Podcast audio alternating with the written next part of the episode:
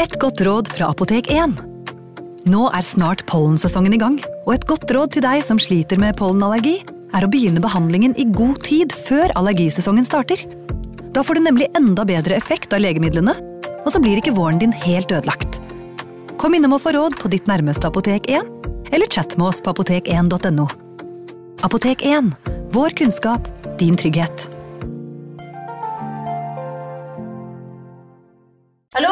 Jeg kommer fra Oslo politikammer. Ine Jansen er purk. Er du purk? The motherfucking bitch. Alt jeg vil, er å finne ut hva som skjedde med mannen min. Jon Carew. Er jeg sikta for noe? Iben Akeli. Det er du.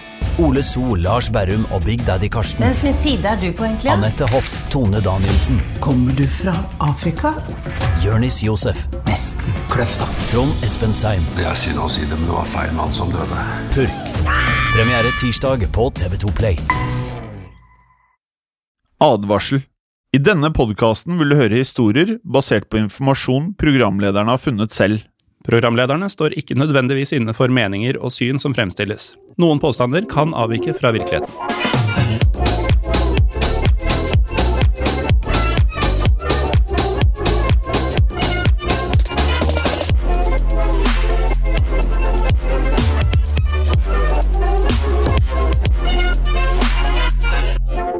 Hei og velkommen til en ny episode av Historiepodden. Mitt navn er Jim Fosheim, og i dag er ikke Morten med.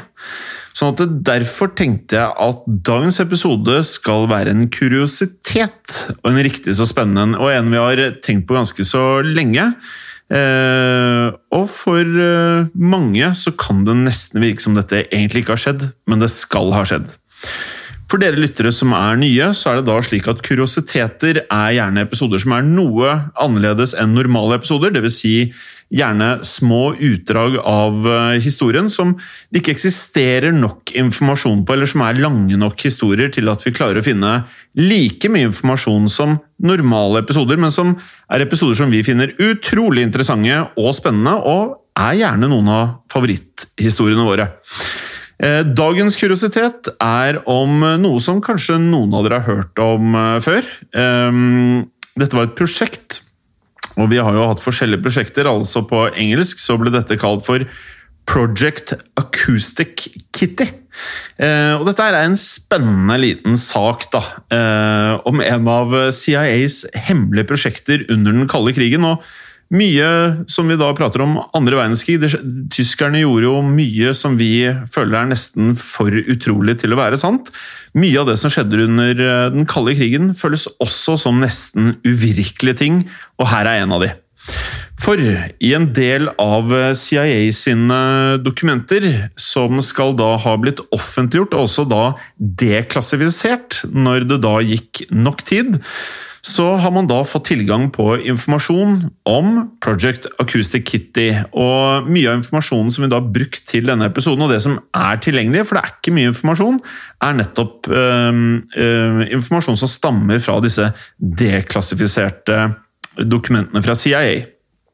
Så den kalde krigen, oftest referert til å være fra slutten av 40-tallet, altså noen år etter andre verdenskrig, og gjerne da frem til sent 80-tallet.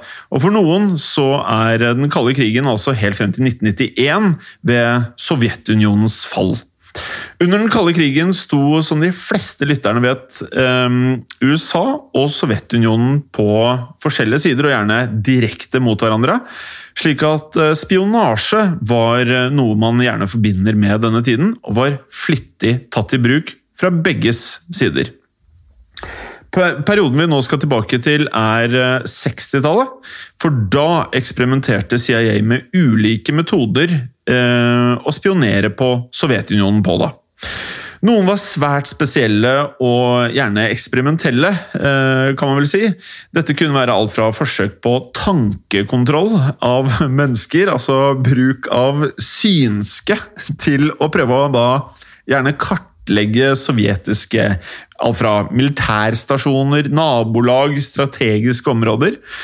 Uh, og det her igjen er jo noe av det som uh, når, vi, når, vi, leser om det, så høres det jo nesten for surrealistisk ut til at det kan være sant, men det skal ha vært det. CIA tok nemlig kontakt med angivelig synske da i California, og ga dem en generell beskrivelse av et sted i Sovjetunionen, og ba de synske visualisere og beskrive stedet nærmere. Men lite overraskende var det prosjektet her totalt mislykket, og de synskes beskrivelse av stedene stemte slettes ikke med virkeligheten, så CIA slo denne ideen helt fra seg.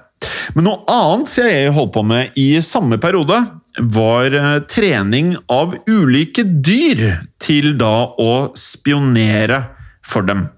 Eh, og det skal da ha vært slik at CIA så på forskjellige dyr som eh, perfekte spioner.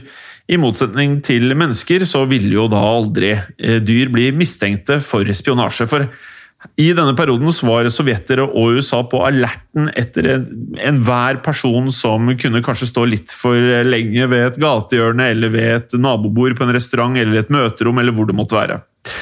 Kuriøst nok var det da ikke første gang har vi funnet ut at eh, amerikanerne brukte trente dyr til forskjellige oppgaver. For i forkant av nettopp denne perioden så utviklet nemlig den amerikanske marinen treningsmetoder for eh, bl.a. delfiner, som de da ønsket å trene opp til å bl.a. oppdage og nøytralisere miner i havet. Og dette var en utvikling som CIA var meget interessert i. Men at dyrene gjerne skulle da utføre konkrete oppgaver innen spionasje og overvåkning. CIA testet derfor forskjellige dyr til eh, forskjellige oppgaver, før de fant eh, det som skulle bli deres eh, ja, storsatsing, eller i hvert fall deres dyreste satsing, som dere skal føre mer om senere. For de testet bl.a. å bruke ravner spesielt, da. For eh, de så på ravner som flinke til å gjøre mønstergjenkjenning. Dette tillot da i deres øyne at ravnene kunne trenes opp til å respondere på forskjellige objekter, og kunne derfor trenes til å gjerne plukke opp gjenstander, men også åpne skuffer og dører og da på den måten gjøre spionasje. Eh, men dette skal ikke ha vært det de valgte å satse på. For det som eh, ble deres eh, satsingsområde, var det som da er dagens tema, altså Acoustic Kitty. For det er nemlig navnet på prosjektet der CIA spesifikt prøvde å trene katter i spionasjens kunst. For på 60-tallet funderte da CIA på om de kunne trene opp katter til å spionere på mistenkelige sovjetere og samtalene deres. Tanken var at dersom man kunne trene opp katten til å gå og sette seg på utvalgte steder, utstyrt med mikrofon, så kunne man overvåke viktige og hemmelige samtaler man ellers ikke ville hatt tilgang på. Utrolig nok tok eh, utformingen av denne kattespionplanen over fem år. Eh, og katter er jo ikke kjente for å være spesielt lydige, men de er veldig nysgjerrige. Og CIA kom frem til at eh, de kunne bruke dette trekket, da, at kattene var nysgjerrige til det fulle. For ved å bruke lyder som katten fant interessante, kunne de da, mente de, få katten til å gå akkurat de stedene som CIA-spionene ønsket at kattene skulle gå. Men om katten skulle kunne ta opp lyd og sende denne da tilbake til CIA-agentene, så måtte den ha skjulte tekniske komponenter, gjerne da gjemt et sted på kroppen der det ikke syntes. Så hva gjorde CIA? Jo, de følte at de måtte operere inn da disse tekniske komponentene de trengte inn i selve katten. I dag har vi jo da mye teknologi som størrelsesmessig i hvert fall tar fascinerende liten plass, men på 60-tallet var teknologien klumpete og gjerne litt stor i størrelse. Og det var derfor utrolig vanskelig for dem å finne metoder eh, der de kunne gjemme disse tekniske komponentene på, på katten, eller rettere sagt i katten. Så CIA opererte da først og fremst inn en 7 millimeter lang sender langs det som jeg har funnet ut er basen på hodeskallen til den eh, utvalgte testkatten. For denne senderen var utrolig viktig. Det var nemlig den som skulle da sende denne hemmelige informasjonen til CIA. Og selve mikrofonen den valgte de å plassere inn i kattens øregang. Eh, men kanskje det mest utrolige var at CIA måtte feste en form for antenne Eh, på katten også, på et vis. Dette var noe de løste ved å lage en antenne av tynne, tynne metalltråder som de rett og slett vevde. Altså, de vevde denne, disse metalltrådene inn i kattens uh, pels. Og som strakte seg da angivelig helt fra nakken og helt ned til halen. Og så måtte jo da alt dette utstyret ha en eller annen form for energikilde. Og da var det slik at batterier var det som åpenbart var det foretrukne. Men utfordringen her var jo da at eh, man i utgangspunktet trengte ganske store batterier. Men grunnet kattens mindre kropp så kunne de bare ta i bruk de aller, aller minste batteriene som var tilgjengelige. Dette betød en veldig begrenset opptakstid. Av alle steder da så ble batteriene også selvfølgelig operert inn i katten, og de opererte batteriene mellom ribbeina på katten.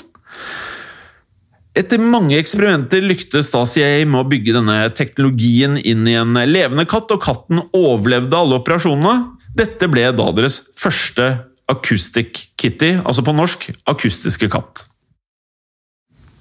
Men dette var jo egentlig bare halve kampen, for som vi har vært inne på, katter, tross planlegging, kan jo finne på å ta egne valg som absolutt ikke sammenfalt med det CIA ville at katten skulle velge. Så verdens første Acoustic Kitty er verdt å nevne var en eh, hundkatt.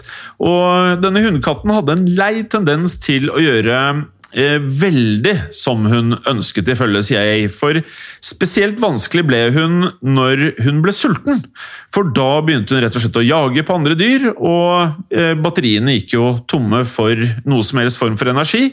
Og så når hun ble sliten, så la hun seg ned og nektet å lystre noen av ordrene til CIA. Så første Acoustic Kitty-testen var derfor å anse som svært mislykket, og CIA måtte videreutvikle prosjektet videre. Det hele resulterte i at katten havnet nok en gang på operasjonsbordet, der hun fikk en ekstra operasjon som skulle hindre at hun i det hele tatt følte noen form for sult. Og I tillegg begynte CIA å trene katten i langt større grad enn de hadde gjort tidligere. De fant etter hvert ut at de kunne trene opp katten til å lyde til og følge menneskestemmer. Og under treningen lyktes CIA faktisk med å trene katten til å gå dit, altså nøyaktig dit de ønsket, eh, men kun over korte avstander. Og det at det gikk an å trene katter til å gjøre nettopp dette, var en stor ny oppdagelse for CIA, og internt skal et notat lyde som følger. In itself a remarkable scientific achievement. Og For å få katten til å gå dit CIA ønsket at katten skulle gå, brukte de ultralyd, altså lydbølger som er en høyere frekvenshjerne enn det det menneskelige øret kan eh, oppfatte. De brukte forskjellige lyder som katten da oppfattet, som igjen fikk katten til å lystre dem og gå nettopp dit CIA ønsket at den skulle gå. Alt i alt skal den totale kostnaden for CIAs første Acoustic Kitty, deres første spionkatt, skal på den tiden, altså på 60-tallet, så sies det å ha kostet dem rundt 20 millioner dollar. Det tok altså fem år og 20 millioner dollar før den første spionkatten satte potene sine ute i den virkelige verden for sin første test. Og jeg gjorde en liten beregning her. Jeg gikk inn og sjekket ut hva 20 millioner dollar var inflasjonsjustert. Altså 20 millioner på 60-tallet, hva ville det vært i 2020? Og ifølge de kildene jeg brukte, så ville 20 millioner dollar eh, fra 1960 utgjøre 173 millioner dollar i dag. Og Likevel gikk det ikke helt knirkefritt selv etter disse 20 millioner dollarene og fem årene, for i en av de første da og eneste testene til CIAs Acoustic Kitty så gikk det utrolig galt. Det kunne kanskje vel ikke gått veldig mye dårligere. Og så skal det da sies, før vi går gjennom hva som var resultatet av dette, at det er litt eh, uenighet, kan man vel si, da, i hvorvidt Acoustic Kittys endelige prosjekt gikk nøyaktig på den måten jeg nå skal beskrive, men det er i alle fall en av teoriene, og kanskje den teorien som virker mest nærliggende her. For når Acoustic Kitty skulle ut og spionere på to menn som da CIA ønsket å spionere på utenfor eh, Sovjetunionens ambassade i Washington DC, så skulle dette prosjektet gå riktig så gærent, som sagt. For Acoustic Kitty skulle aldri komme seg til områdene der folkene CIA skulle spionere på, faktisk satt. For Acoustic Kitty hun ble brutalt drept før hun i det hele tatt kom til dette området. Slik er den angivelige historien. For CIA de måtte komme seg nær nok områdene der de to som skulle overvåkes, faktisk var, som betød at de måtte slippe katten ved en vei et lite stykke unna der de satt.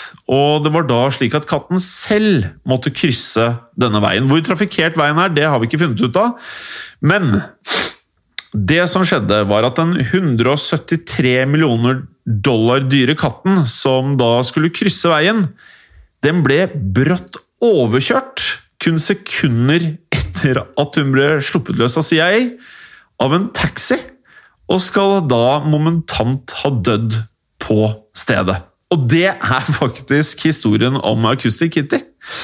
CIA måtte da videre innse at det var svært vanskelig å manøvrere en såkalt dyreagent, og det var vanskelig å vurdere omgivelsene som kattene skulle operere i, som biler på veien, og sikkert langt verre ting hadde den blitt sluppet løs i, i Russland.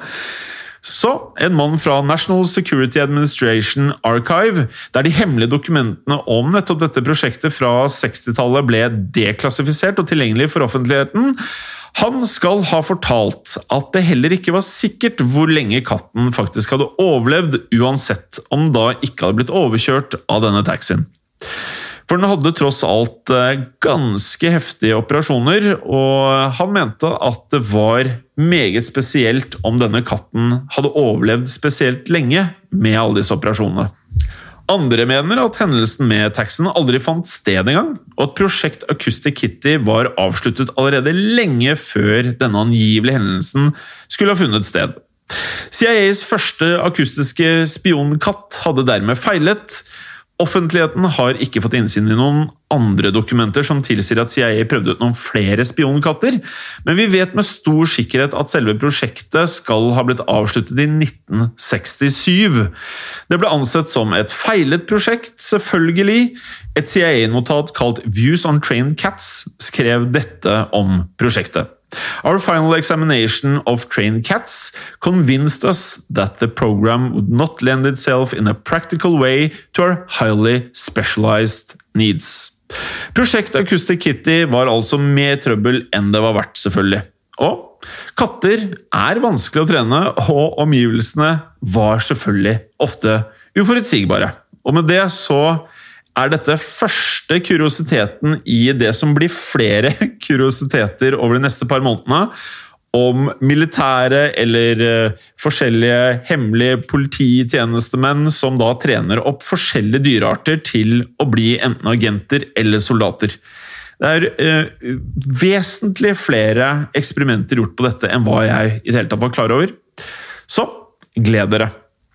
Jeg håper utover det så at dere har hatt en fin uke. Det er flott vær, og vi nærmer oss eh, sommeren med stormsteg.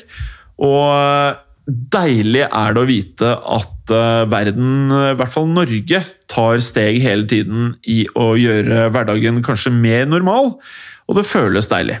Hold dere trygge der hjemme. Og for de av dere som ikke følger oss på Instagram, så heter vi Historiepodden Norge. På Facebook så heter vi også Historiepodden Norge. Og vi har vår Facebook-gruppe som heter Historie for alle. Følg oss gjerne. Og takk til alle dere som har bidratt til at vi den siste uken har hatt uh, vår beste uke i Historiepodden noen gang. Uh, I den grad man måler det på i, eh, i lyttertall. Så tusen takk for det, og tusen takk for fantastiske tilbakemeldinger. Og vi hører på dere, selv om vi ikke alltid rekker å svare alle meldingene vi får, så hører vi på dere, og dere vil få svar på et eller annet tidspunkt. Kanskje er det fint at sommeren kommer, så vi faktisk får litt tid til å gå gjennom en del av mailene og DM-ene på Instagram, og også meldingene på Facebook. Tusen takk. Det har skjedd, og det kan skje igjen. I produksjon av Historiepodden så ønsker vi å takke Håkon Bråten for lyd og musikk. Takk til Felix Hernes for produksjon. Takk til Ellen Froktenestad for tekst og manus. Og takk til deg, Morten Galesen, for programlederrolle. Og takk til deg, Jim Fosheim, for programlederrolle. Moderne media. Har du et enkeltpersonforetak eller en liten bedrift? Da er du sikkert lei av å høre meg snakke om hvor enkelt det er med kvitteringer og bilag i fiken, så vi eh, gir oss her, vi. Fordi vi liker enkelt. Fiken superenkelt regnskap. Hei, og takk for at du lytter til Historiepodden. Skulle du ønske at du kunne høre en ny episode av Historiepodden hver eneste uke? Vel, da er det én ting å gjøre. Da kan du laste ned podkastappen Untold med det samme. For i tillegg til ukentlige episoder av podkaster som Historiepodden andre verdenskrig, Henrettelsespodden og også Gangsterpodden, så får du masse annet reklamefritt og også eksklusivt innhold. Last ned Untold i AppStore eller Google Play og start din 30 dagers gratis prøveperiode allerede i dag.